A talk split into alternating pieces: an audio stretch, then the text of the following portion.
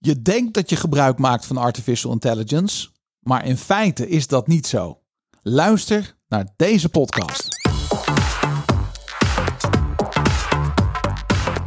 Roeland, welkom in de podcast studio van Storyband. Daar zijn we weer. Ja, leuk. Dankjewel, Daan. Het is een uh, nieuwe week. We gaan het uh, deze week hebben over artificial intelligence, oftewel kunstmatige intelligentie. Ja. En zoals de teaser al doet vermoeden, het zit anders dan we denken.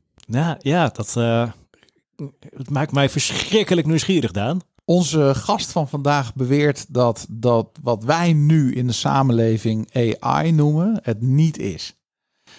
Omdat um, ja, er blijkbaar meer voor nodig is om het echt uh, intelligent te laten zijn en kunstmatig intelligent te laten zijn. Dus, dus eigenlijk zegt hij dan, als ik het mag samenvatten, dat we gewoon allemaal voor de gek worden gehouden en veel te snel tevreden zijn met de tools die we nu hebben. Ja, misschien wel. Misschien is goed om, goed om te weten. De commerciële partijen zijn er bovenop gedoken. Maar wetenschappelijk gezien is er nog wel wat op af te dingen. En een van de dingen waarvan ik toch wel schok in de, de voorbespreking met onze gast van vandaag, is dat uh, de onnauwkeurigheid van bijvoorbeeld een tool als ChatGPT 40 tot 50 procent is. Dat is behoorlijk zorgwekkend. Ja, dat is hoog. Ja. Ik ben er overigens groot voorstander van om de tool wel te gebruiken. Alleen je moet hier wel bewust van zijn om hem goed te gebruiken. Ja, het is volgens mij een beetje altijd zo als het gaat om uh, innovatie en productontwikkeling. Ja, die kinderversies met die kinderziektes, ja, dat over tien jaar lachen we erom. En ja. nu zijn we er super blij mee. Ja, zo is het. Weet je nog dat um, jij bent een van de eerste mensen in Nederland geweest die um, werkte met marketing automation tools? Ja. En inmiddels is er zo'n grafiek, zo'n kaartje wat je op het internet wel kunt vinden met alle verschillende marketing automation tools. Ja, die, is, die gaat volgens mij oneindig door bijna tegenwoordig. Ja, die is, die is um, ik weet nog dat wij elkaar leren kennen dat er ongeveer 350 van die dingen, tools op stonden. Ja. Dat werd al heel gauw 1500, maar dat is een soort um, ja, explosie aan tools op marketing automation gebied. Die is er nu ook voor artificial intelligence. Oh ja, ja. ja. En die gaat hard. Ja. De ja. gemiddelde persoon die je tegenkomt kent ChatGPT en dan houdt het ongeveer op. Maar het zijn vele tools. Ja, je ziet ook al dat ze dan van die hoofdstukjes gemaakt hebben met bijvoorbeeld video editing AI tools. En dan zie je dan een hele lijst aan tools die je kan gebruiken. Ja, ja. dat is niet normaal toch? Ja, Hoe uh, snel dat gaat. Ja. Het is um, uh, einde van het jaar. Vorig jaar om deze tijd had nog bijna niemand van ChatGPT gehoord. Nee. In twaalf is... maanden tijd is de wereld uh, ontploft. Ja. ja, mooi hoe dat gaat. Toch? Ja. We hebben wel een bijster interessant vak, hè? Ja, dat vind ik wel. En ja. Uh, ja, volgens mij is het een hele goede ontwikkeling. Ja, ja. Want de marketing is zo verschrikkelijk veel werk uitvoeren dat als je het ergens kan automatiseren of nou, een steuntje in de rug kan gebruiken, waarom niet? Ja. Wat zou nou een tool zijn waarvan jij zegt, oh, als ze die uitvinden, dat maakt mijn leven echt super makkelijk. Oh, daar zat ik laatst over na te denken. Daar heb ik er wel een. Wat een goede vraag stel je weer, Daan.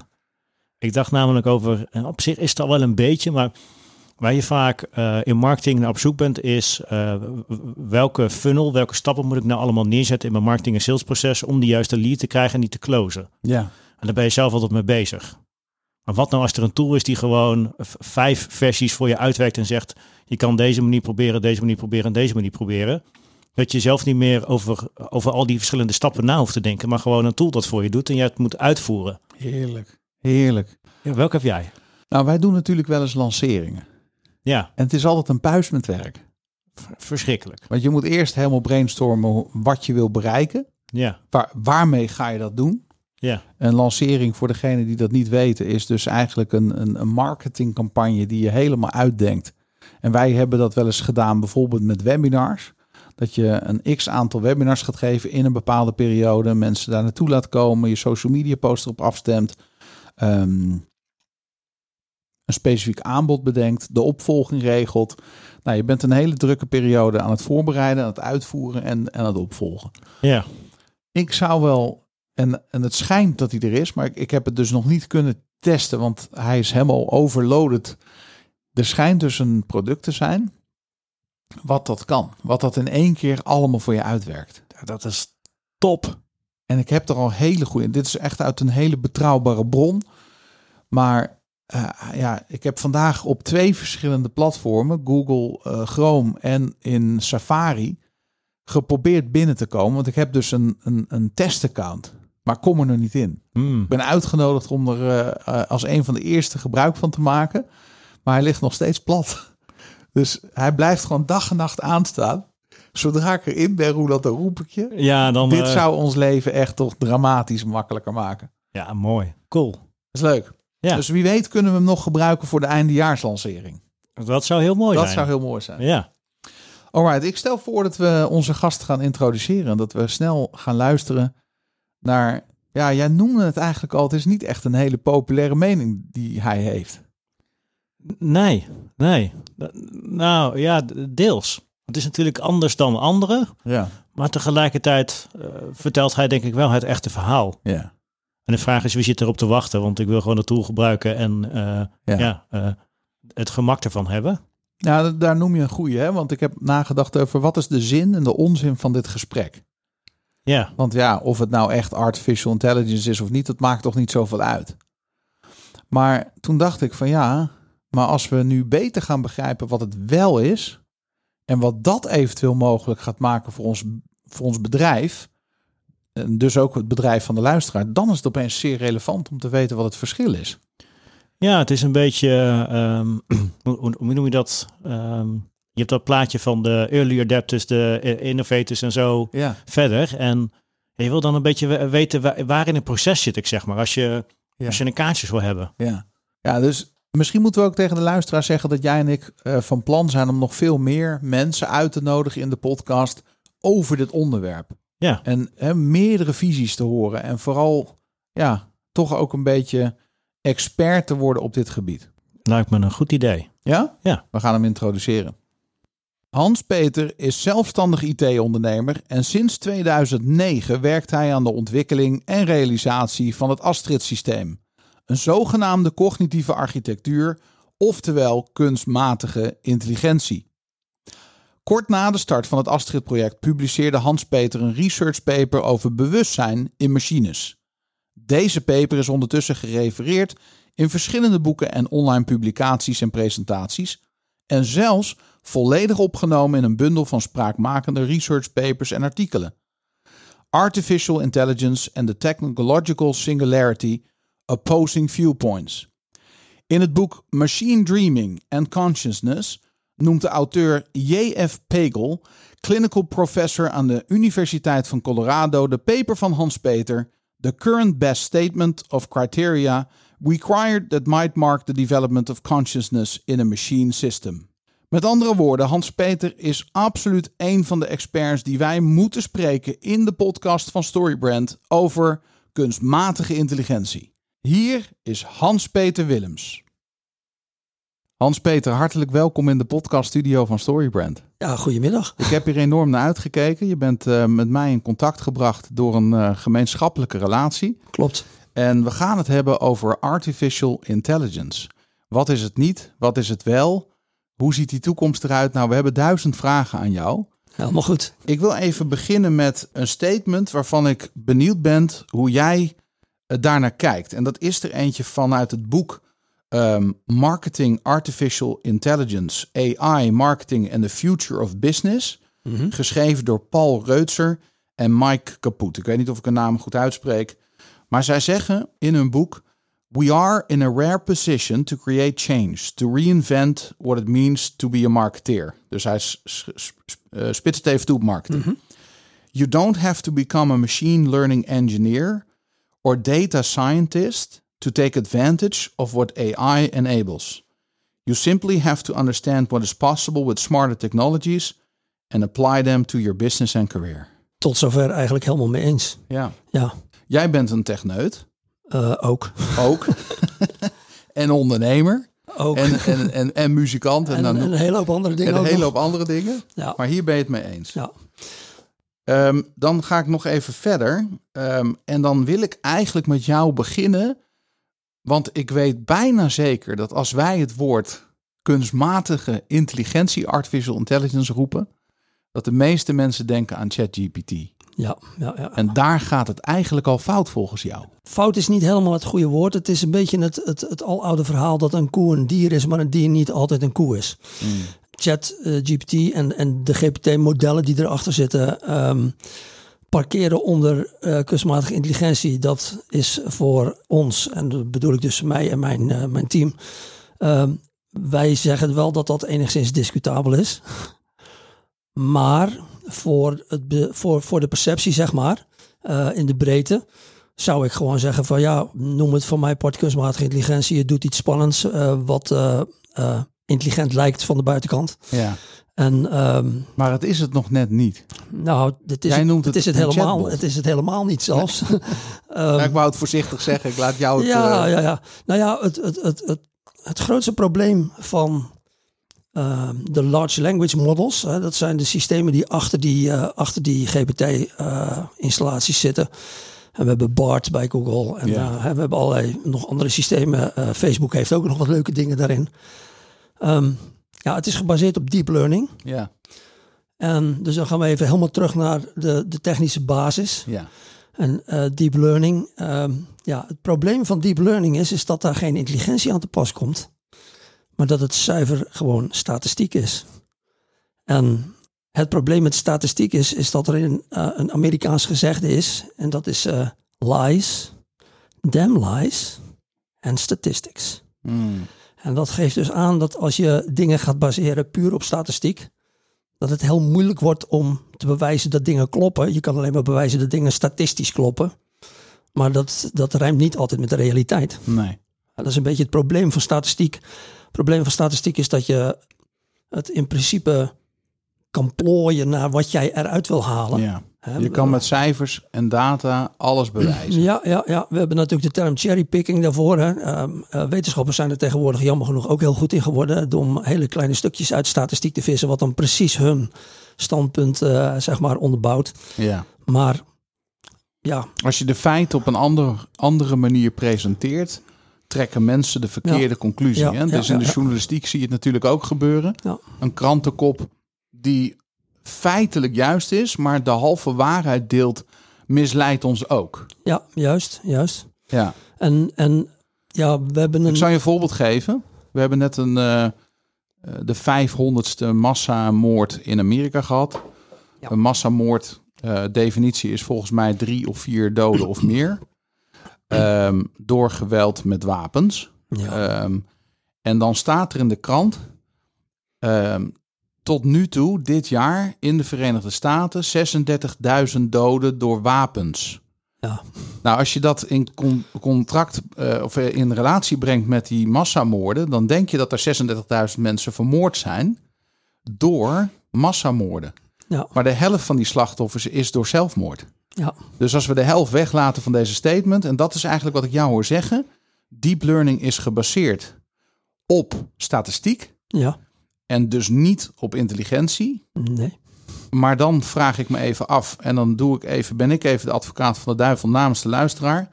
Oké, en wat is daarvan het probleem binnen dit domein van artificial intelligence? Ehm, nou ja, het, het probleem is dat omdat er geen intelligentie in zit, en dan kan ik meteen doorpakken weer terug naar het hele GPT-verhaal, het ChatGPT zeg maar, is dat, eh, kijk, ehm, de, de laatste, de meest recente versie van GPT is GPT-4. Ehm, dat is eh, ChatGPT draait op GPT 3.5. GPT-4 wordt gebruikt eh, in Bing Chat. Ehm, het heeft een foutmarge van 40%. Wauw. Dat wordt niet verteld in de spannende verhalen over hoe fantastisch het is. En 40% zeg ik altijd, dat ligt erg dicht bij 50%. En 50% statistisch is toeval. Ja, Dat is het is goed of het is fout. ja, Die kans is 50-50. ja. En dat betekent dus dat een correct antwoord uit zo'n systeem dus toeval is. Hmm. En goed, 40% duwt het dan een klein beetje naar die kant van, nou ja, oké, er worden stappen gezet. Maar dat is natuurlijk nog steeds heel dicht in de buurt van, nou ja, hoop maar dat er iets goeds ja. uitkomt. Het is verre weg van wetenschap. Verre weg van wetenschap, ja, ja, ja. ja. En ehm, ja, wat kan ik daar nou precies over zeggen om het even in een goed perspectief te plaatsen? Ehm, de media, de hype die er is rond ChatGPT En uh, vooral de hype rond startups die dingen met uh, GPT gaan doen. Ja, al die, uh, al die interessante acties zijn gebaseerd op het idee dat het daadwerkelijk toepasbaar is. Hmm. Maar goed, ik loop dus zelf, zoals ik je in het voorgesprekje even kort zei, van ik loop al 35 jaar mee als ondernemer. En ik weet in ieder geval één ding, en dat is een toepassing die het af en toe wel en af en toe niet doet, kan ik niet aan een klant verkopen. Nee. Dat gaat hem niet worden. Nee. Dus de technologie is absoluut interessant. Laat ik dat voorop stellen. Ik bedoel, ik ben niet iemand die zegt dat het allemaal onzin is. Ehm, die die eh, deep learning op zich en de large language models die er bovenop gebouwd zijn, is op zich fantastische technologie. En er zit ook best wel een stukje wetenschap in als we het hebben over wiskunde, statistiek en dat soort zaken. Dus dat wil ik absoluut niet bagatelliseren. Dat daar ook toepassingen voor te vinden zijn. Oh, daar geloof ik onmiddellijk in. Ja, die zijn er al. Maar Die het, worden al gebruikt. ja, maar het valt voor mij wel heel erg in de categorie een oplossing die op zoek is naar een probleem. Ja. Ehm, als ik even een klein sprongetje maak naar wat wij aan het doen zijn, wat een complete andere tak van sport is in Ja. kunstmatige intelligentie. Uh, wij bouwen eh, ehm, intelligente autonomie, zelfstandige autonomie. Dus, dus, dus de, de oplossing op zoek naar een probleem. En eh, Ja. wat we bijvoorbeeld ook bij, eh, bij ehm, eh, Bitcoin hebben gezien, bij de onderliggende technologie, zeg maar, de blockchain. Dus ook blockchain is zo'nzelfde verhaal. Het, eh, in eerste instantie was iedereen halleluja erover. Ondertussen is er nog, nog steeds niet echt iets gevonden waar het eh, iets voor kan betekenen, behalve Bitcoin. Ja. En ehm, de GPT-modellen is zo'nzelfde verhaal. Het is, een, het is een oplossing, het doet iets. En nu gaan we kijken wat we daar misschien allemaal voor leuks mee kunnen doen. Ja. En als wij kijken naar autonome systemen waar wij ons mee bezighouden, dan wij werken compleet andersom. Er is een probleem, een gedefinieerd probleem in de wereld. Dat is hoe kun je een machine autonoom laten functioneren in onze maatschappij, in onze wereld. En hoe kun je dat probleem oplossen? En wij eh, hebben vervolgens een oplossing voor dat probleem gebouwd. Dus dat is, de, dat is de omgekeerde benadering. En eigenlijk de benadering hoe je normaal gesproken omgaat met nieuwe technologie. Van Ja. luister, wat kunnen we bouwen om dit voor elkaar te krijgen? ja. Als je dan kijkt naar, naar waar jullie mee bezig zijn. Zou je dan kunnen zeggen dat een zelfrijdende auto al die richting opgaat? Of is dat al eh, autonome eh, zelf, technologie? zelfrijdende auto's op dit moment zijn nog steeds niet autonoom. Laten we dat voorop stellen. Eh, het kan, we kunnen een aantal dingen wel redelijk regelen. Wat dus gebaseerd op deep learning redelijk goed werkt. Als je Ja. grote datasets hebt. Ehm, Tesla is daar natuurlijk een koploper in. Want het hele idee van Tesla is... al die Tesla's die rondrijden verzamelen allemaal data die doorgestuurd wordt. Dus eh, zij hebben de absolute, de allergrootste verzameling van data van auto's op een weg. eh, van eh, wat er op de planeet rondrijdt, zeg maar. Ja. Ehm, en en daar kun je dus absoluut dingen mee voor elkaar krijgen.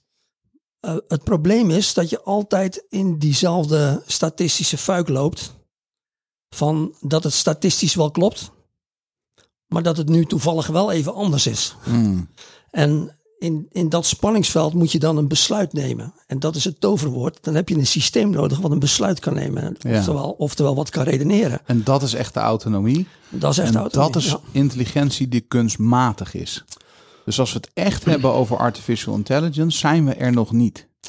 Ehm, We, nou ja, noemen, we noemen een hele verzameling aan technologische ontwikkelingen kunstmatige intelligentie. En ik hoor jou eigenlijk zeggen van ja, maar of, of, of hebben we op een District 51 niveau, eh, CQ militair niveau al wel technologie die nog niet bij het publiek bekend is hiervoor? Ehm, volgens mij niet. Nee.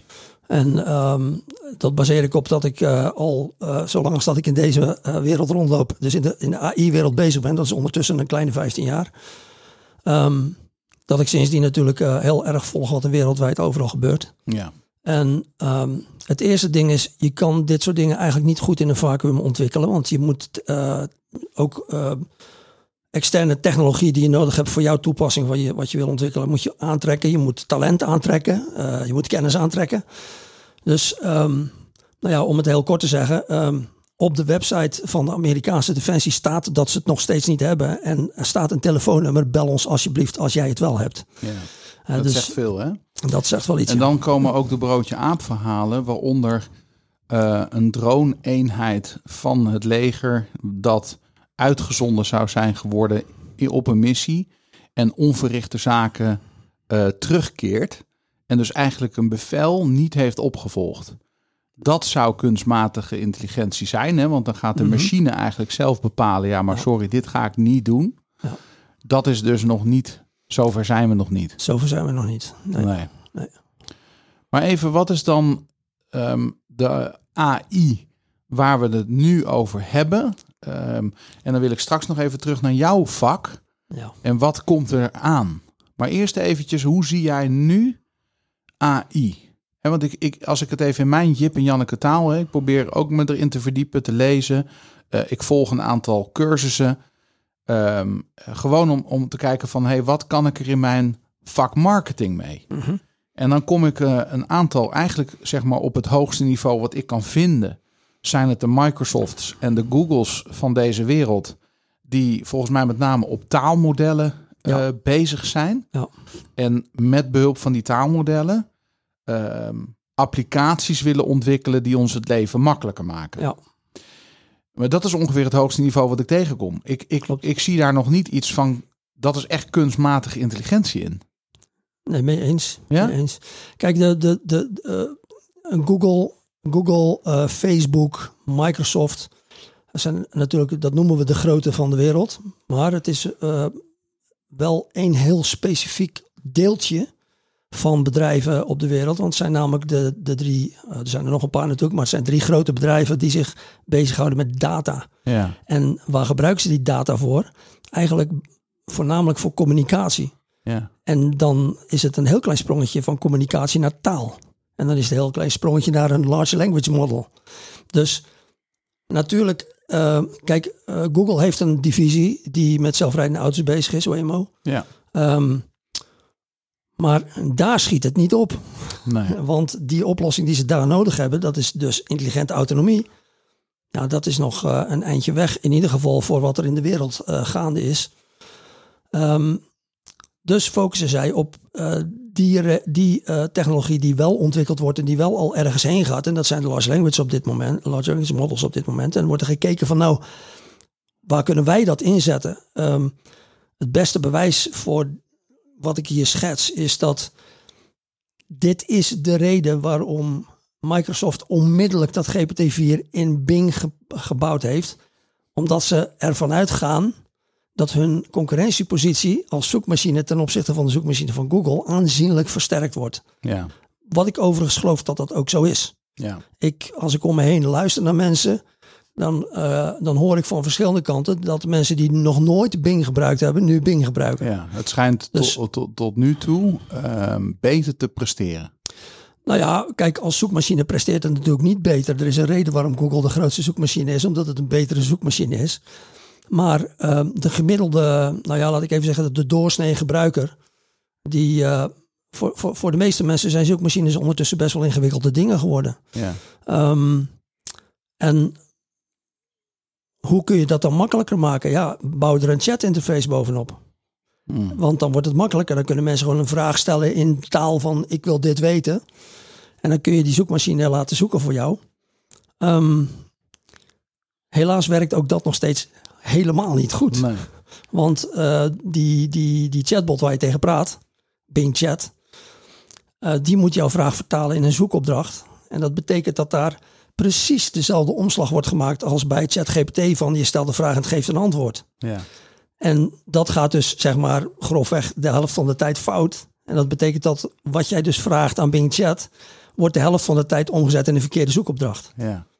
Het Want het stelt wij- geen wedervragen. Je hebt geen gesprek. Nee. Het is geen dialoog. Nee, Het lijkt op een dialoog. het lijkt op een dialoog. De dialoog is absoluut fake. ja, Ehm, overigens zit daar ook in verstopt dat mensen denken dat die systemen leren. Die Ja. systemen leren absoluut niets.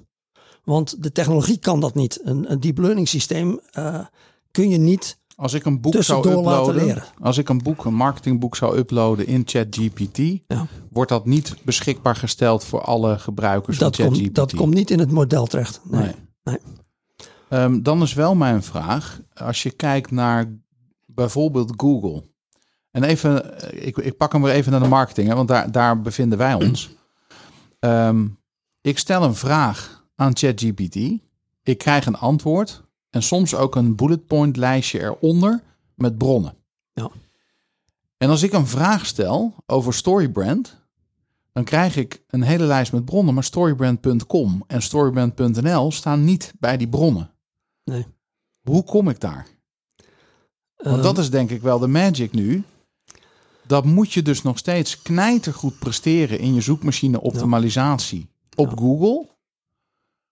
Of, of is er een andere, is, er een, is die code te kraken? Zou je kunnen zeggen, er komt een moment dat je dus niet alleen maar meer gevonden wordt als bedrijf binnen Google en Bing, maar gevonden wordt door de zoekopdracht. We gaan het misschien wel steeds vaker vragen aan ChatGPT. Weet je nog een leuke restaurant om de hoek? En dan wil je er wel Ja. tussen staan. ja, ja, ja, ja.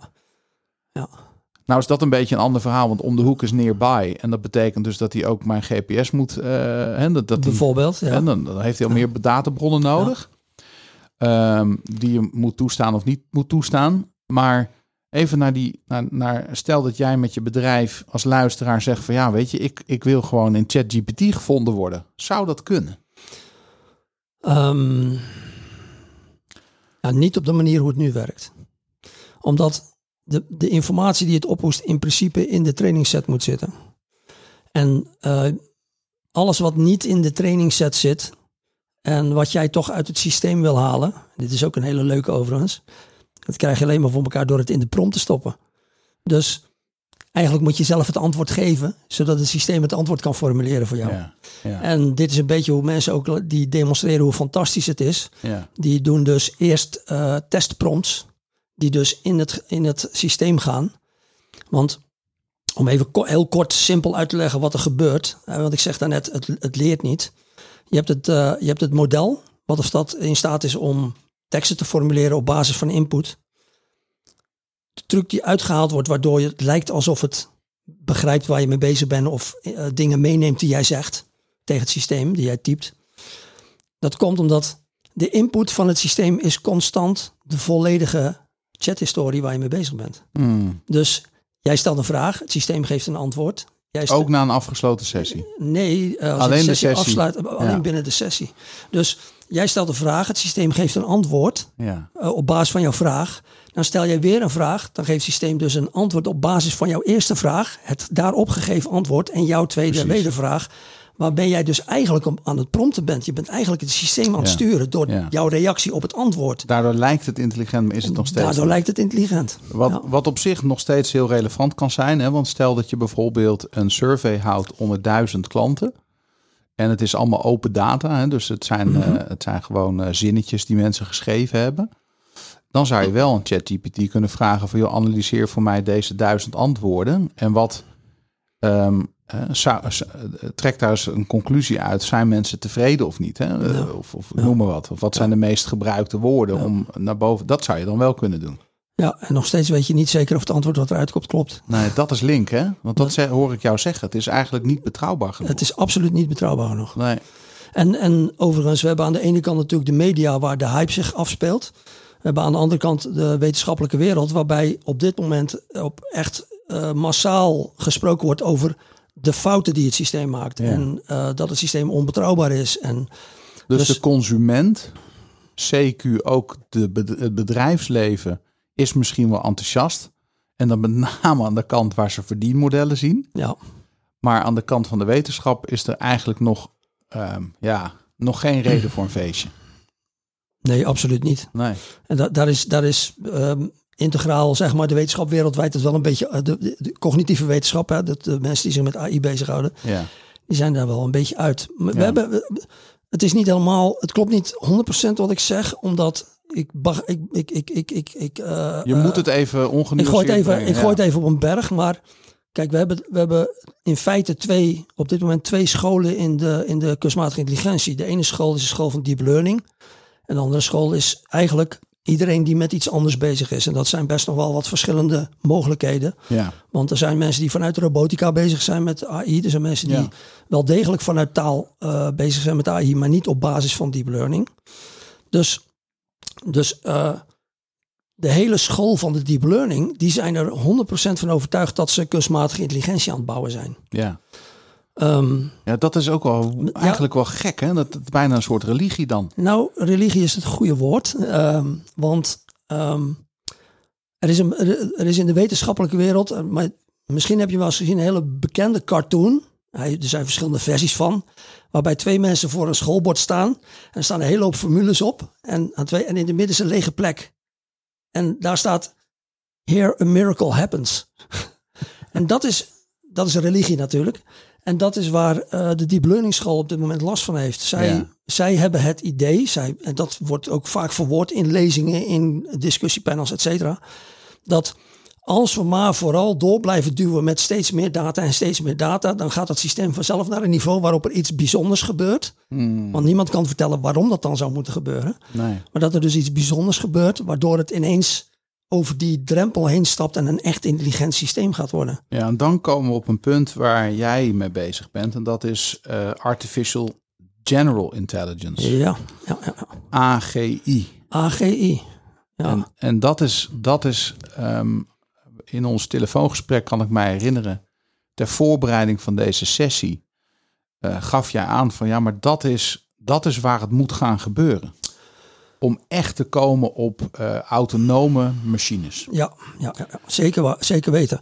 Leg ons eerst even uit wat het is, Ja, wat het zo anders maakt dan waar we het net over gehad hebben. ja. En ik zou er daarna aan toe willen voegen, moeten we die kant wel op willen? Ja, nou de- eerst even een klein linkje terug naar het deep learning verhaal. Want Ja. in de deep learning wereld wordt ook gesproken over AGI. Mm, Eh, De, de, de school van deep learning en van large language models praten erover dat ze op weg zijn naar AGI. ja.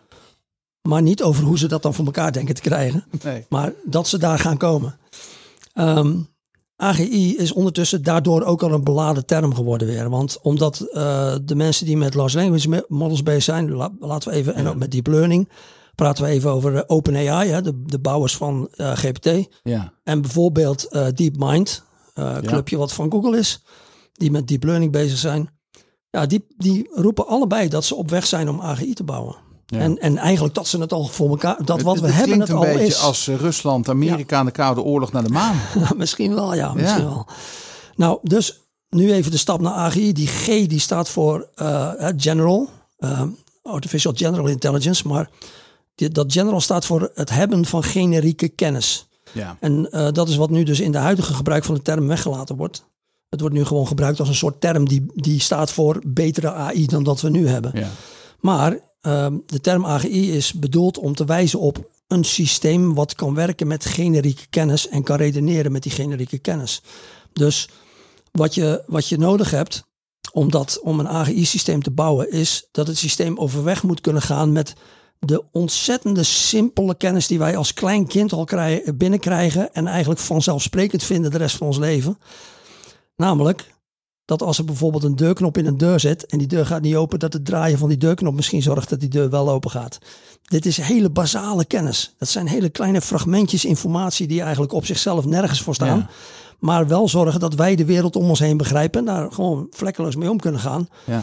Als wij van één deur weten hoe die open gaat, kunnen wij elke andere deur, ongeacht hoe die eruit ziet, als we het herkennen als een deur, kunnen we hem openmaken. Ja. Een autodeur is voor ons functioneel exact hetzelfde als de voordeur van een huis. Wauw. Er zit Ja. een deurknop aan en die pak je. Ja. Ja, dus die kennis moet je in het systeem zien te krijgen. En dat is altijd de bottleneck geweest in kunstmatige intelligentie. Vanaf het begin van het vakgebied, en dan praten we over eind jaren 50, is dat het probleem geweest. Om die generieke kennis in het systeem te krijgen. ja. De oorzaak-gevolg eigenlijk. Hè? Nou, oorzaak-gevolg is daarop gebaseerd. Hè? Dus kausaal redeneren, Kun je dat pas doen kun je als. pas doen als je dus de generieke kennis van de wereld hebt. Zodat je rekening kan houden met dingen van, ja maar wacht even. Ehm, Ja. ik voel aan die deurknop, maar hij gaat toch niet open. Oh, Nee. wacht, er zit een sleutelgat. Hij Ja. zit misschien op slot. ja, dus verbanden leggen. het is, Ja, gaat echt best ver eigenlijk. Ja, dat gaat heel ver, ja. Je gaat bijna meer respect en bewondering krijgen voor de mensheid. Ehm, nou, eh, grappig genoeg, als ik kijk naar, mijn, naar wat ik gedaan heb in de afgelopen, zeg maar, eh 14, 15 jaar dat ik bezig ben. Dan zeg ik altijd van, we bouwen in feite software, hè, want het is zo, uiteindelijk aan het eind van de dag praten we over software. Ik bouw software, ik ben van origine software engineer. Ik heb altijd eh, zakelijke toepassingen gebouwd, eh, CRM, financieel, noem het allemaal maar op. Ik ben 14 jaar, 15 jaar geleden begonnen met dit project. Ja. En ik ben gaan, eh, in feite research gaan doen. Ja. En ehm, er staan eh, een hele hoop boeken bij mij op de plank over kunstmatige intelligentie. Maar er staan meer boeken bij mij op de plank over psychologie. Echt waar? Omdat als jij een generiek intelligent systeem wil bouwen, Ja. moet, je, moet je je bezig gaan houden met de psychologie van mensen. Mm, Want onze psychologie is namelijk sturend van hoe wij ja, besluiten nemen. ja, ja. Dus, ja, dus de ene en nullen voorbij. Ja, dus dan kom je inderdaad eh, terecht bij wat je net zei bij, eh, nou ja, eh, de mens als machine is best wel een fantastisch ding, ja. Ja. Daar zit best wel een hoop slimmigheid in. En dan kom ik op mijn vraag, moeten we wel machines willen die zelfdenkend kunnen zijn? Ja, Want je ehm, komt dan eigenlijk ook, als ik jou over psychologie, kom je al heel gauw bij goed en kwaad en keuzes maken. En wat is dan moreel? Wat is dan aanvaardbaar? Ja. En wie stopt dat er dan in?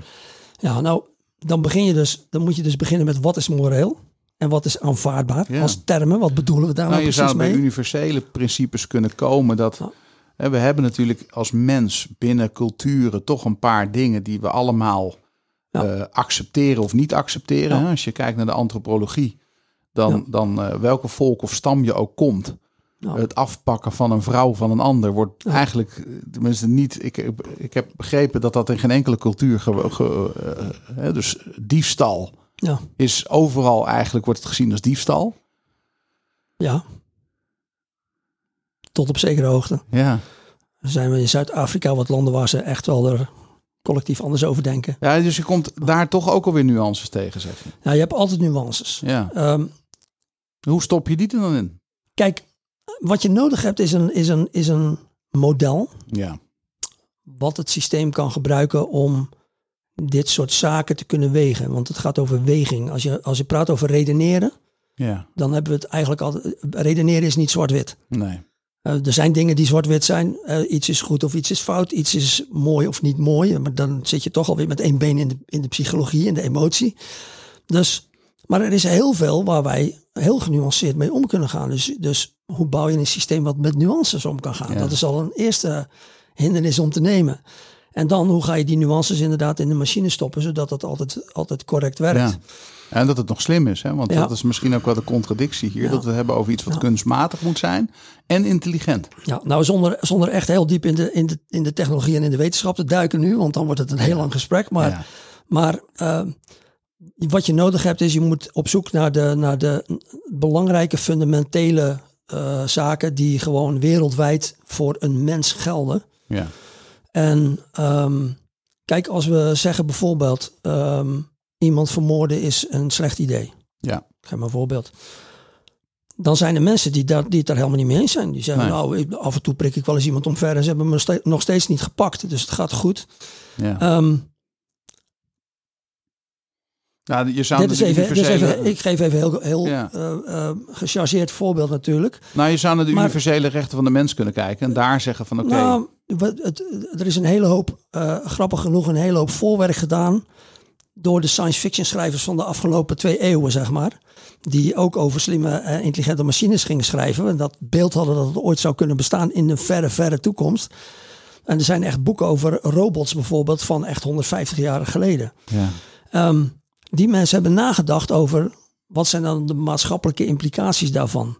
Ehm, waar moet je rekening mee houden? Wat zou werken, wat zou niet werken? Ehm, het meest bekende werk op dit gebied is de robotverhalen van Isaac Asimov. En ehm, grappig genoeg, als je, naar de, als je die verhalen leest, dan die zijn zuiver voorspellend. ja, En dat begint bij dat er helemaal niets is, tot het punt dat er gewoon eh, intelligente machines door de straat lopen. Ehm, oftewel in zijn verhalen niet. Want die mogen niet door de straat lopen, want het maatschappelijke idee is dat die machines gevaarlijk zijn en onbetrouwbaar zijn. En ze mogen dus niet in de openbare ruimte toegepast worden. Die discussie loopt op dit moment al rond kunstmatige ja, intelligentie. Ja. Dus heel grappig als je die verhalen leest. En die verhalen zijn geschreven ongeveer, ik geloof het eerste verhaal 1935, 1936, die kant op. Tot ergens jaren 60, jaren 70. Ehm, wij zitten nu ongeveer halverwege die, dat boek. Van die, halverwege die verhalen. Dus, dus de eerste helft van wat er in het boek eh, beschreven wordt, dat is al gebeurd. En dat is allemaal precies zo verlopen als dat het in dat boek Dat is wel waanzinnig eigenlijk. en dat boek geeft een aantal hints van waar, waar we mee te maken krijgen. Nou, en we zien nu al dat de discussies, de maatschappelijke discussies, die kant ook op gaan. Ja.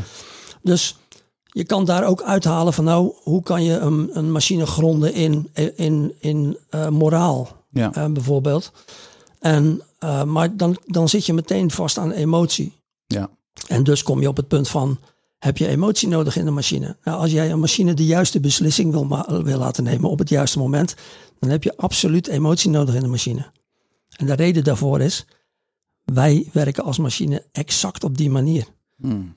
Ons besluit wat we nemen is altijd gebaseerd op emotie. Ja. En Het is interessant dat je dat zegt. Ik zeg in mijn eh, lezingen en eh, workshops altijd: we zijn emotionele wezens met een rationele ervaring en niet andersom. En Ja, voor je marketing klopt. is dat super belangrijk, want als je dat beseft, weet je ook dat de beïnvloeding vanuit je marketing, hè, een beïnvloeding is dan, dat zeg ik ook altijd, manipulatie is iets, iemand iets laten doen wat hij niet wil. Ja. En beïnvloeding is eh, iemand helpen om keuzes te maken waarvan je gelooft dat ze goed voor je zijn. Dan ja, nog kom je wel op een moreel punt, Ja. hè, want wat is dan goed? Ja. Maar goed, ehm, de, de meeste mensen willen de wereld mooier maken met een bedrijf, met hun product en dienst. En dan is die beïnvloeding van dat je weet, een mens is emotie met ratio. Dus wij verklaren eigenlijk aan onszelf de keuzes die we op basis Ja. van emotie hebben gemaakt. Ja, ja, klopt. Ik leg het zelf altijd uit dat eh, historisch in de, in de psychologie hadden we een schaal en die liep van eh, emotioneel naar rationeel. Die, die schaal die bestaat helemaal niet. Dat is allemaal onzin. We hebben een, we hebben een schaal waarop we irrationeel en rationeel zijn. En die schaal is emotie. Ja, wauw.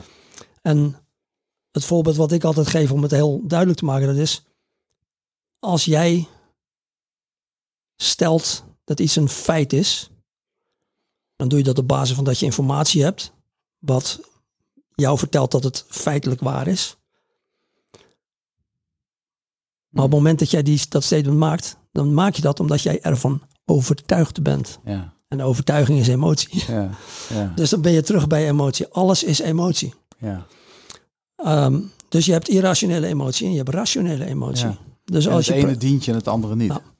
En als het gaat over het nemen van besluiten, dus beslissingen nemen, als we praten over in feite wat de, de basis van cognitie is, van, van wat ons, eh, ons machientje in onze hersenpan doet, dat maakt een hele hoop keuzes de hele dag. En elke keuze die wordt gemaakt op, op een aantal emotionele gegevens en emotionele aannames. En die bepalen wat we Het zit heel diep, hè? ja, dat zit heel diep. Dus als je dit soort technologie wil bouwen, dan maken we de sprong weer eventjes van de biologische machine naar de, Ja, naar, de, naar de machine zoals wij het kennen.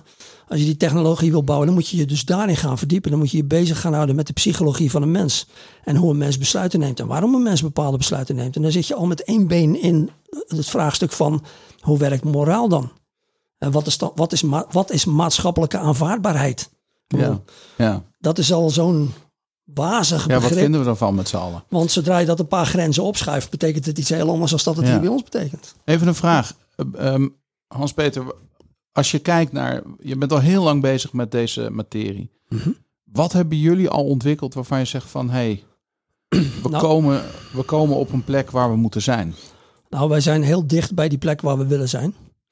Ehm, en dat komt omdat we, nou ja, ik ben hier dus 14 jaar geleden aan begonnen. En ehm, we hebben eigenlijk tot een paar jaar geleden hebben we eigenlijk eh, in zogenaamde steltmode gedraaid. Dus eh, onder de radar blijven, geen eh, media opzoeken. Nee. Eh, ook vooral om geen slapende honden wakker te maken. Want in, in, in het begin heb je niet die idee en dan denk je, ja, wat als iemand anders dat idee ook heeft. Want Precies. we denken, eh, ik, kijk, eh, ik, ik, ik zeg altijd, ik ben wetenschapper als we het over hebben. Ik ben wetenschapper, maar ik ben natuurlijk, als ik op mijn andere been leun, ben ik gewoon ondernemer. Ja, tuurlijk. En ga je kijken naar wat je met die technologie gaat doen. En ja, Ja. De toepasbaarheid. de toepasbaarheid en, en ook, maar ook gewoon verdienmodellen. Ja. Ja, dus Terecht. dus, dus, dus het, je begint meteen met hoe bescherm ik mijn idee. En het idee, het basisidee wat eronder ligt, is eigenlijk zo ontzettend eenvoudig dat we er alles aan gedaan hebben om dat niet de wereld in te helpen, maar dat Ja. gewoon onder de hoed te houden. Ehm, en dan, ehm, nou, dan ga je zo'n systeem bouwen.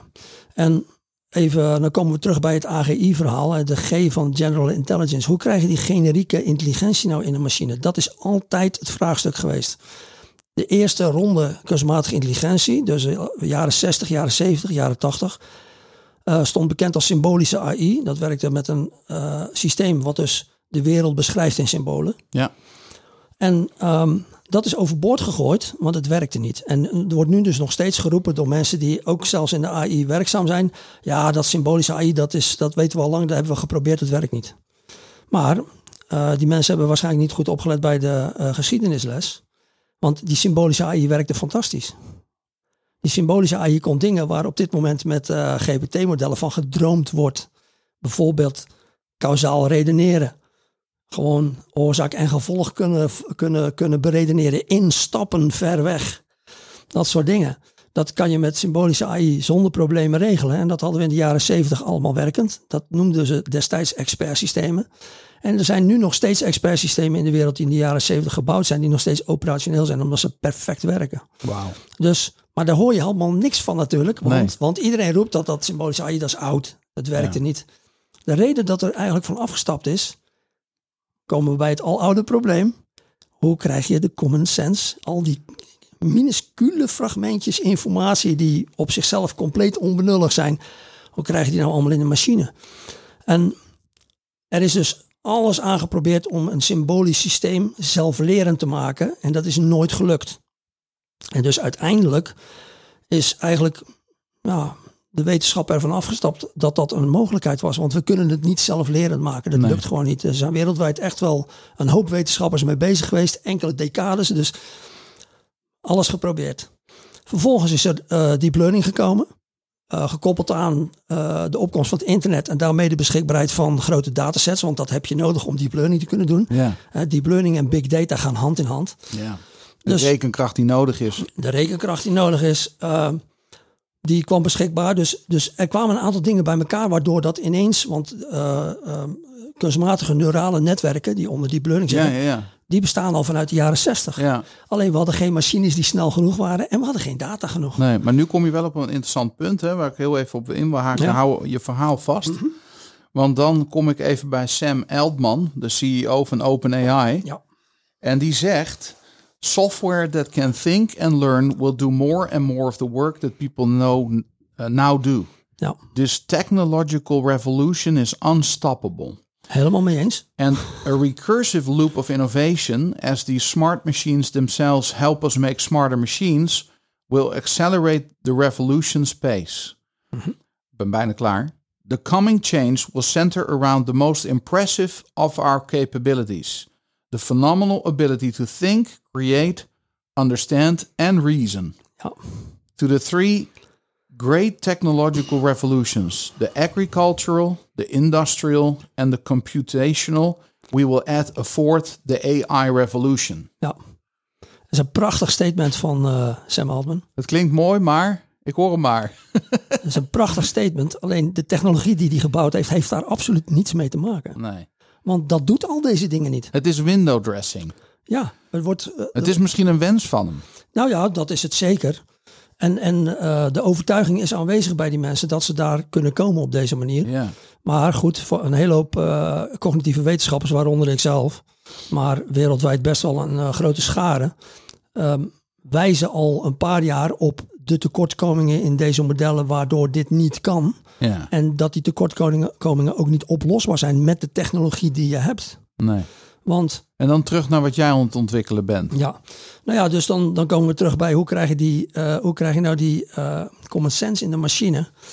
En ik ben uh, eh, 14 jaar geleden begonnen met een wild idee. er wordt op dit moment geroepen, we hebben een radicaal nieuw idee nodig. Nou, dat radicale nieuw idee, dat had ik 14 jaar geleden.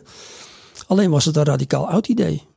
Want mijn idee was, die symbolische AI werkte fantastisch als het gaat over redeneren, uh, dat soort zaken. En dat, daar konden we dingen mee die we nog lang niet, nog lang niet met, uh, met, met, met de huidige AI-golf kunnen doen. Maar we hebben dat allemaal overboord gegooid omdat het niet zelflerend te maken was. Hebben we niet het kindje met het badwater weggegooid. Ja, zijn we te snel afgestapt van een basismodel nou, waar we het mee uh, hadden kunnen redden. Kijk, het idee, het, uh, als je natuurlijk... Uh, een, Hoe dichtbij ben je? Als je 30 jaar lang met wetenschappers probeert om het probleem op te lossen wereldwijd en het lukt niet, mm -hmm. dan is de aanname dat het niet gaat lukken best wel een redelijke. Ja. Alleen, ja, 14 jaar geleden mijn radicale idee was, stel nou eens dat ik het zelflerend kan maken. Ja. Nou, vervolgens word je dan omringd door mensen die je voor gek verklaren. Ja. Dat zeggen ze niet. Ze zeggen, Hans-Peter, dat is best wel ambitieus. Ze Ja. bedoelen natuurlijk van je bent... Zo'n mooie manier om te compleet zeggen knetter, van... je bent knettergek, je bent Ja. of, de, of de railsman. Dat kan helemaal niet. En, maar ik had een idee ehm, Ja, om eh, eigenlijk een, een, een, een vonkje. vanuit mijn werk wat ik destijds aan het doen was ehm, in, als ondernemer in samenwerking met de Hogeschool Zeeland in, uh, nou, in Zeeland, de, de AZ, uh, hadden wij een, een project om R&D te doen rond kennismanagement in bedrijven. En in kennismanagement in bedrijven hebben we, uh, nou ja, het grootste probleem is de zogenaamde vluchtige kennis. Hoe ja. borg je nou de vluchtige kennis? Hè? Dat zijn de dingen die mensen weten zonder dat ze weten dat ze het weten. Maar die er wel voor zorgen dat ze het werk beter doen als een ander. Ja.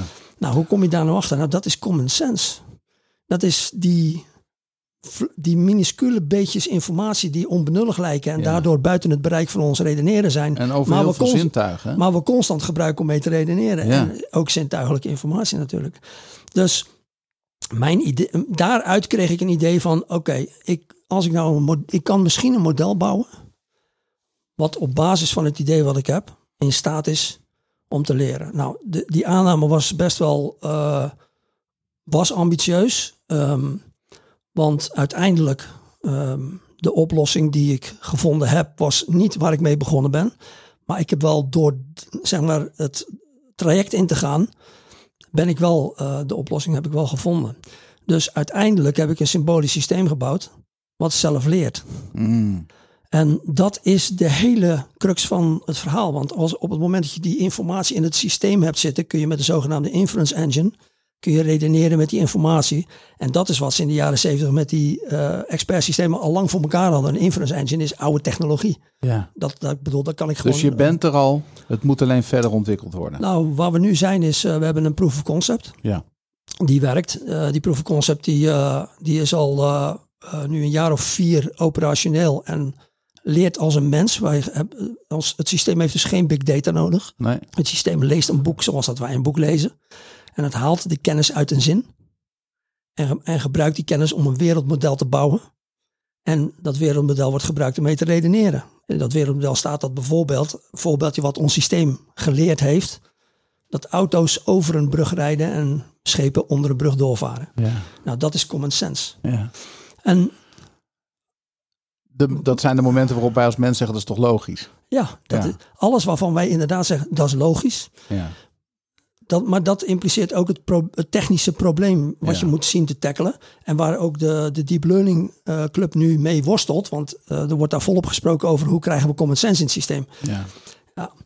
Ehm, Wat een voorwaarde is als we eh, verantwoord eh, kunstmatige intelligentie willen nou, maken. nou, zijn er dus, nou zijn er dus mensen die zeggen, ja, maar eh, pak dat eh, ChatGPT.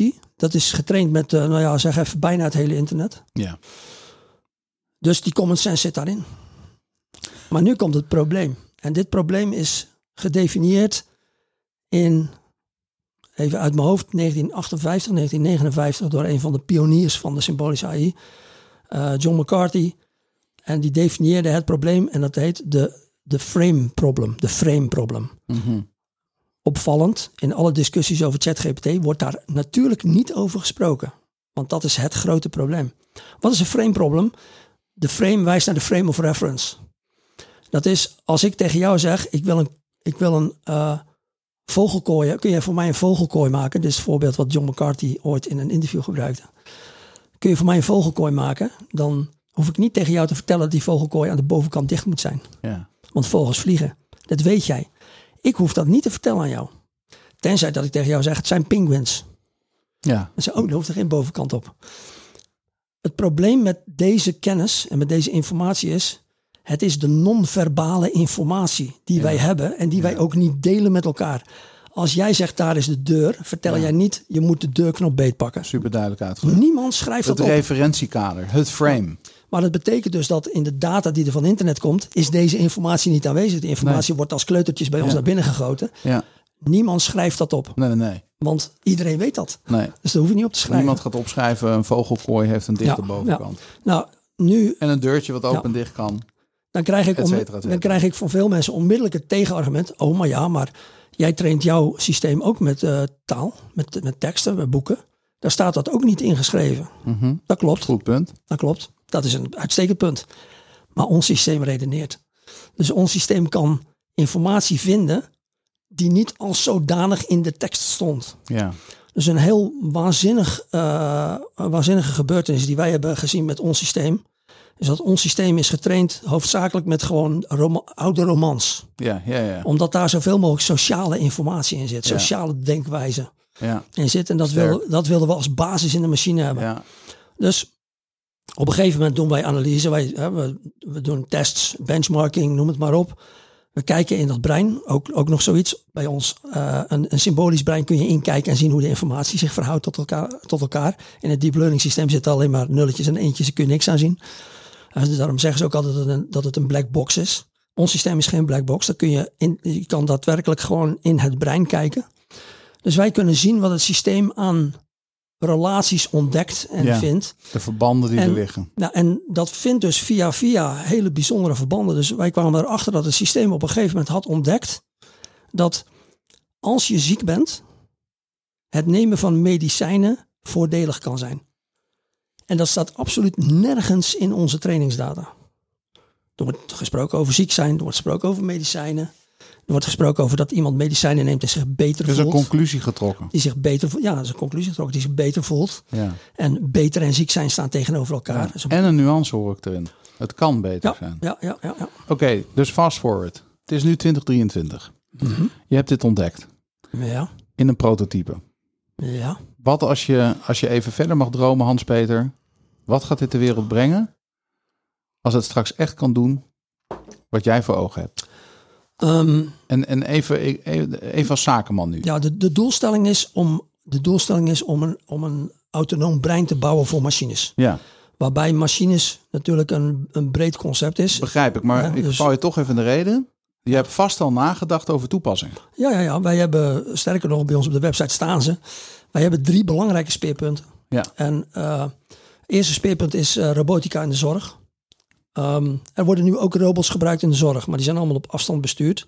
Dat heeft een voordeel, want daarmee ontlast je iemand. Die hoeft geen zwaar werk te doen, dat kan die robot doen, maar hij moet hem wel besturen.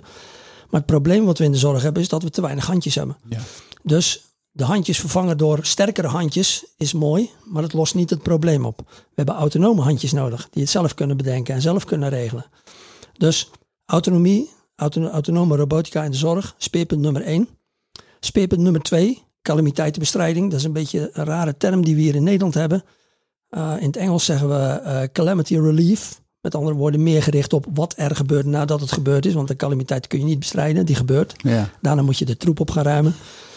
Um, daar, er zijn um, robotbouwers. Um, mooi voorbeeld is Honda. Die, Honda heeft een hele mooie robot om in te zetten in rampgebieden. Ziet eruit als een soort hele grote metalen gorilla. Uh, kan op twee benen lopen, maar loopt voornamelijk op vier voor stabiliteit. Um, maar ze hebben de autonomie nog niet, dus het ding is nog niet in de markt gezet. Maar ze hebben de, de, de robot hebben ze gebouwd. Maar daar uh, kun je dus niet uit de weg met welke andere oplossing dan ook. Nee. Want in een rampgebied is het eerste wat weg is, is infrastructuur. Wauw. Dus uh, verbindingen, transmissie, dat soort zaken, dat is allemaal weg. Ja. Dus die machine die je in zo'n gebied stuurt, Ja. moet volledig 100% op zichzelf besluiten kunnen nemen. En kunnen opereren en dingen voor elkaar kunnen krijgen. Wauw. De derde, de derde speer, het derde speerpunt, dit zijn typische dingen waar autonomie dus belangrijk is. Ja, ja, ja. Uh, het derde speerpunt uh, van ons, we hebben er drie, is uh, ruimtevaart. En in ruimtevaart is het, uh, nou ja, dan komen we terug bij de op afstand bestuurbare robots. De afstanden zijn te groot om het op afstand te besturen. ja. Dus, uh, het zal wel zelf iets moeten kunnen doen. Dus die robot moet uit zichzelf kunnen Sterk werken. Punt. Ja. ja. het, het, leuke voorbeeld wat ik, anekdote, anekdote zeg maar, die ik daarbij altijd ge gebruik, is de Marsrover. We hebben allemaal wel eens gehoord dat zo'n rover in een greppel gereden was. En dan zijn ze drie weken bezig om hem eruit te rijden. En waarom duurt dat drie weken? Nou, dat komt omdat ze hem elke keer één centimeter laten rollen. Want het duurt namelijk een half uur heen. Dan rolt hij een centimeter en dan moeten ze nog een half uur wachten. Dus na een uur weten ze of het gelukt is. Dus gas geven uit die greppel, dat is er niet bij. Want dan ligt hij misschien op zijn kop en dan is het klaar. Dus dat doen ze in hele kleine stapjes. En elk stapje duurt een uur. Wat NASA wil heel graag dat het ding autonoom is en zelf Ja, gewoon op zijn gemakje uit die greppel wandelt. Ja. Ja, dus dat zijn de drie belangrijkste speerpunten waar we het echt over robotica hebben. Ehm, Hoe lang heb je nog nodig, denk je? nou, dan komen we op een hekelpunt, want we hadden er al lang kunnen zijn. Ja. Uh, maar, het Maar- Is een, maar het is een geldkwestie. Ja. En ehm, het probleem waar wij tegenaan lopen is dat er in Nederland niet het besef is dat dit soort technologie duur is om te ontwikkelen. Ja. Dus wij praten met partijen die eh, willen investeren. En die zeggen dan, eh, nou, we kunnen wel eens beginnen met 20.000 euro. Ja. En dan zeg ik nu op het moment van, wij moeten nu concurreren met een OpenAI. Die heeft op dit moment, ik geloof ongeveer 14 miljard op de bank staan. Wat of dat, wat of dat Microsoft overgestort heeft, van doe er leuke dingen mee. Ja. Daar moeten wij mee concurreren. Kun je tegen een bedrijf concurreren met 14 miljard op de bank als jij 20.000 euro hebt? Absoluut niet. Dus we moeten het besef hebben dat dit, dat dit groot is, dat het wereldomvattend is. Ja. Dat dit soort technologie bakken vol geld kost. Dus we zijn naastig op zoek naar investeerders die partijen, grotere partijen die daadwerkelijk serieuze bedragen Ja. kunnen doen. Maar in Nederland is dat moe- moeilijk. Ja, dat moet en zelfs in Europa is het moeilijk. Hmm. Dus dat is, dat is de hindernis. Ehm, daar staat tegenover dat ehm, als je kijkt naar eh, het eh chat-GPT-systeem, ChatGPT, dat draait op een gigantische serverfarm. Ja. En dat kost ongeveer 6 ton per dag om dat in de lucht te houden. Dat is hun onkostenplaatje voor ChatGPT. Unbelievable. 6 ton per dag. Aan elektriciteit, aan hardware, aan faciliteiten, aan koeling. Natuurlijk aan koeling. Dus dat heeft alles te maken met dat het big data is. Dat die, Ja. die modellen zijn gigantisch. Het, ik bedoel, je kan ChatGPT onmogelijk op een computertje installeren. Het, is- het is ook niet zo dat daar bij wijze van spreken 3000 servers staan waarop elke server ChatGPT staat. Nee, ChatGPT staat integraal op 3000 servers. Dat heeft het nodig om te draaien. Ons systeem daarentegen, ons systeem, onze proof of concept, draait op een quad-core machine met 8 gigabyte geheugen. Wauw. Dat is minder als wat je vandaag de dag aan telefoon in je broekzak hebt zitten. Daar draait ons systeem op. Dat is wat het nodig heeft om te functioneren. Dus wij hebben die gigantische bedragen niet nodig om eh, te komen waar we willen komen. Maar we hebben wel serieuze bedragen nodig om het systeem te trainen. Heb je wel een aantal Ja. grotere servers nodig. Ja.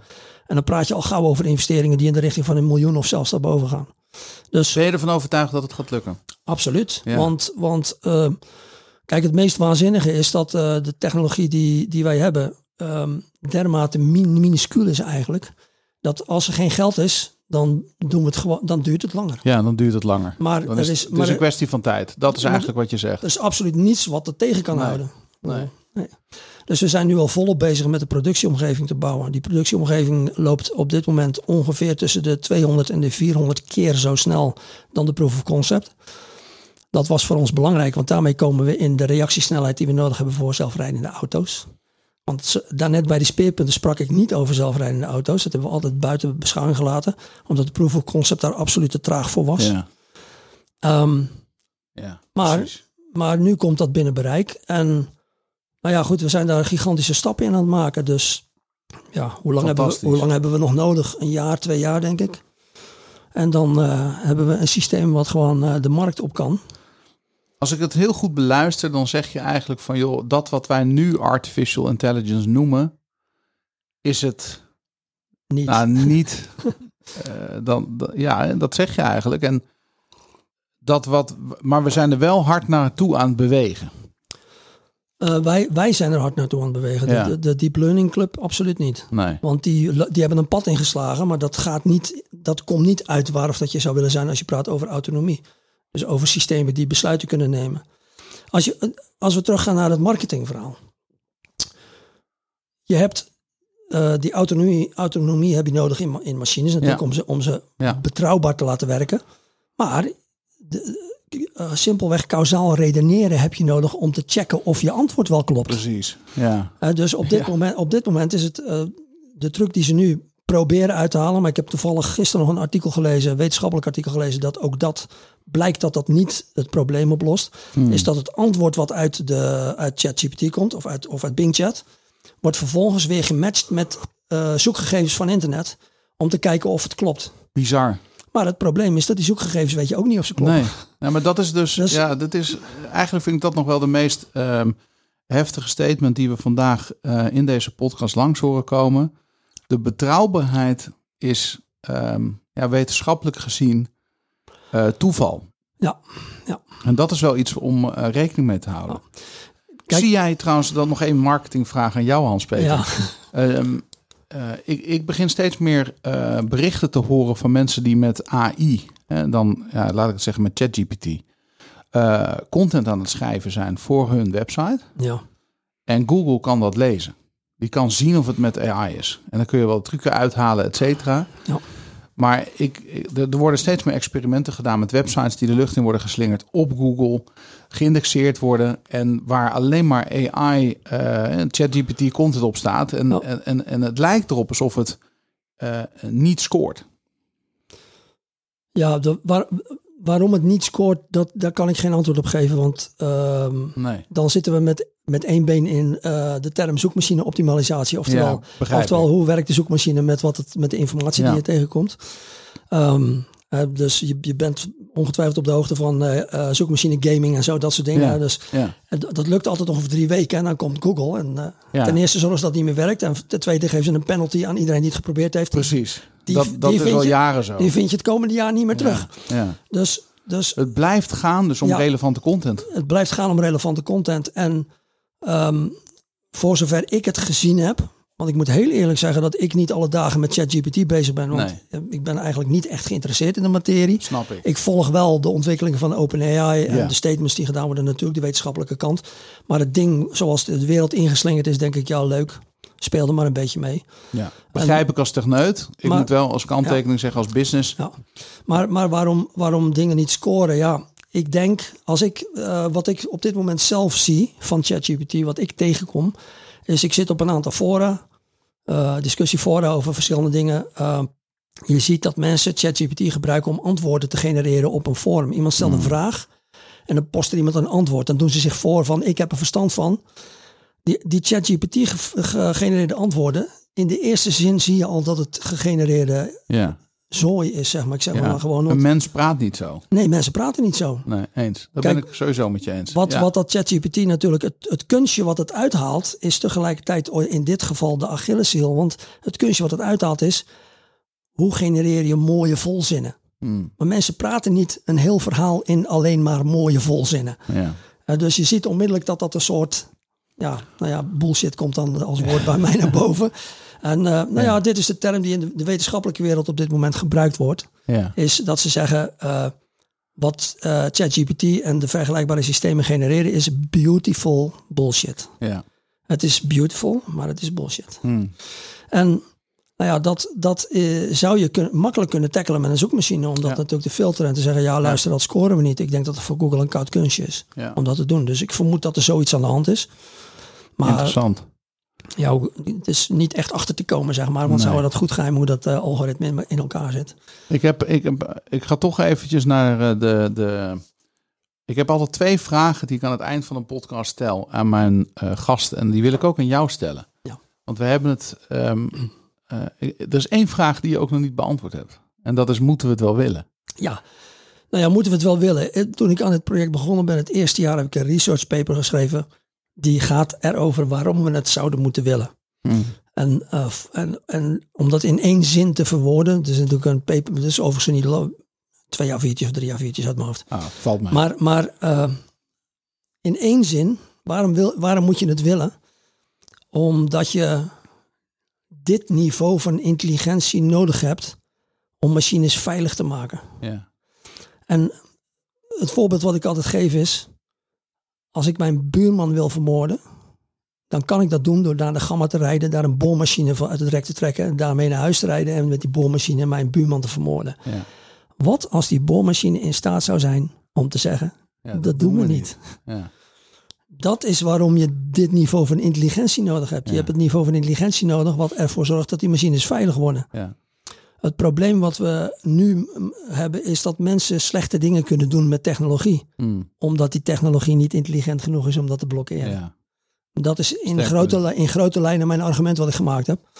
Wat overigens, eh, nou, ik heb je wat document, had je wat documentatie gestuurd. ja, ja. In, een, eh, in een boek eh, van een Amerikaanse professor heeft hij dat aangewezen als het, het, het beste argument tot nu toe. Wat er is voor autonome of intelligente machines.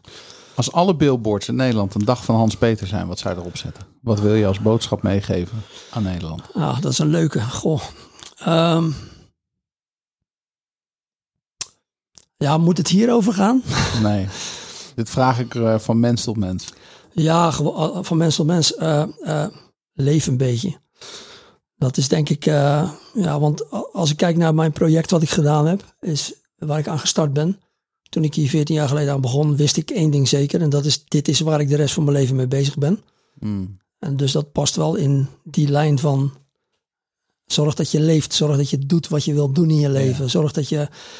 Ja, ik zeg altijd van als je aan het eind van, uh, van de rit op dat bed ligt, uh, zo 10 seconden voor de laatste ademteug, dan moet je tegen jezelf kunnen zeggen, en dit heb ik jaren al als credo, ik heb het wel verdomde naar mijn zin gehad. Ja. En dat is denk ik dus leef een beetje. Mooi man. Ja.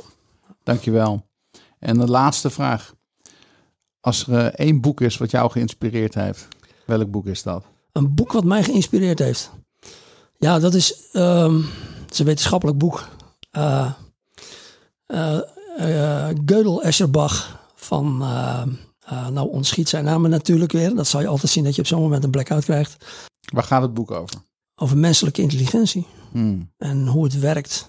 Goh, ik kan er echt niet... Eigenlijk niet over machines, maar over mensen gaat het. Ja, maar het gaat, al, het gaat altijd over mensen. Ja, je zoals- moet de mens bestuderen. Je moet de mens bestuderen om te weten hoe je intelligentie moet bouwen. Ja. Ja. Nou, we komen er vast wel weer op en dan schrijven we het in de show notes. Want dat is natuurlijk wel hele interessante materie om mee bezig te zijn. Ja, ja, ja, ja. Ik ben heel benieuwd waar het heen gaat. Ik hoop dat er mensen luisteren en dat we het op de socials ook kunnen delen. Wellicht zit er een investeerder tussen, Hans-Peter.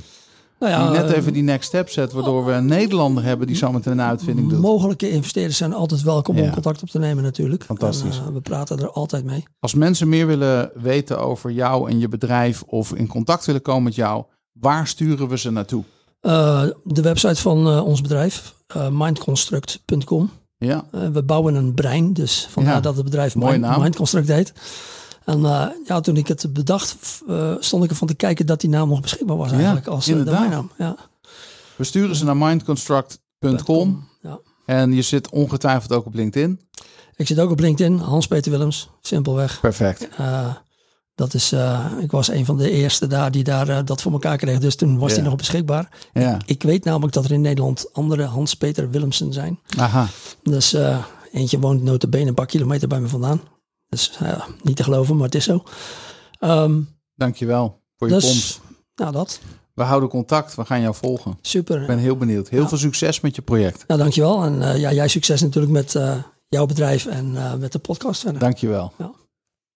Roeland, dat was Hans-Peter Willems. Waar we het bij de intro een beetje over hadden, Daan. Dat is eh, wel even een, een, een, een ander licht of een soort tegenlicht op eh, alle huidige ontwikkelingen. Ja, het is echt even vanuit de wetenschap benaderd. Hè? Dus, dus inderdaad niet zozeer vanuit de commercie, waar we natuurlijk normaal gesproken naar kijken. Want ja, uiteindelijk gaat het om de toepassing.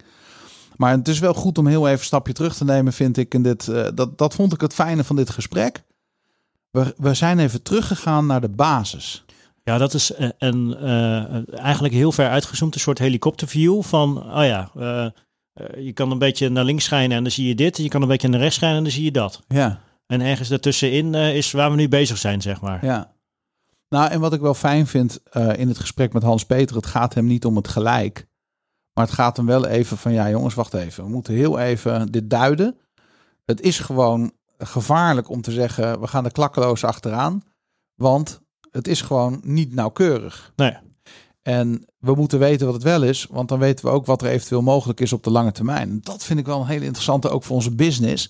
Moet je je voorstellen dat je echt kunstmatige intelligentie hebt. Wat, dat- wat voor mogelijkheden dat gaat geven in de zorg, in de ruimtevaart, in calamiteitenbestrijding, et cetera.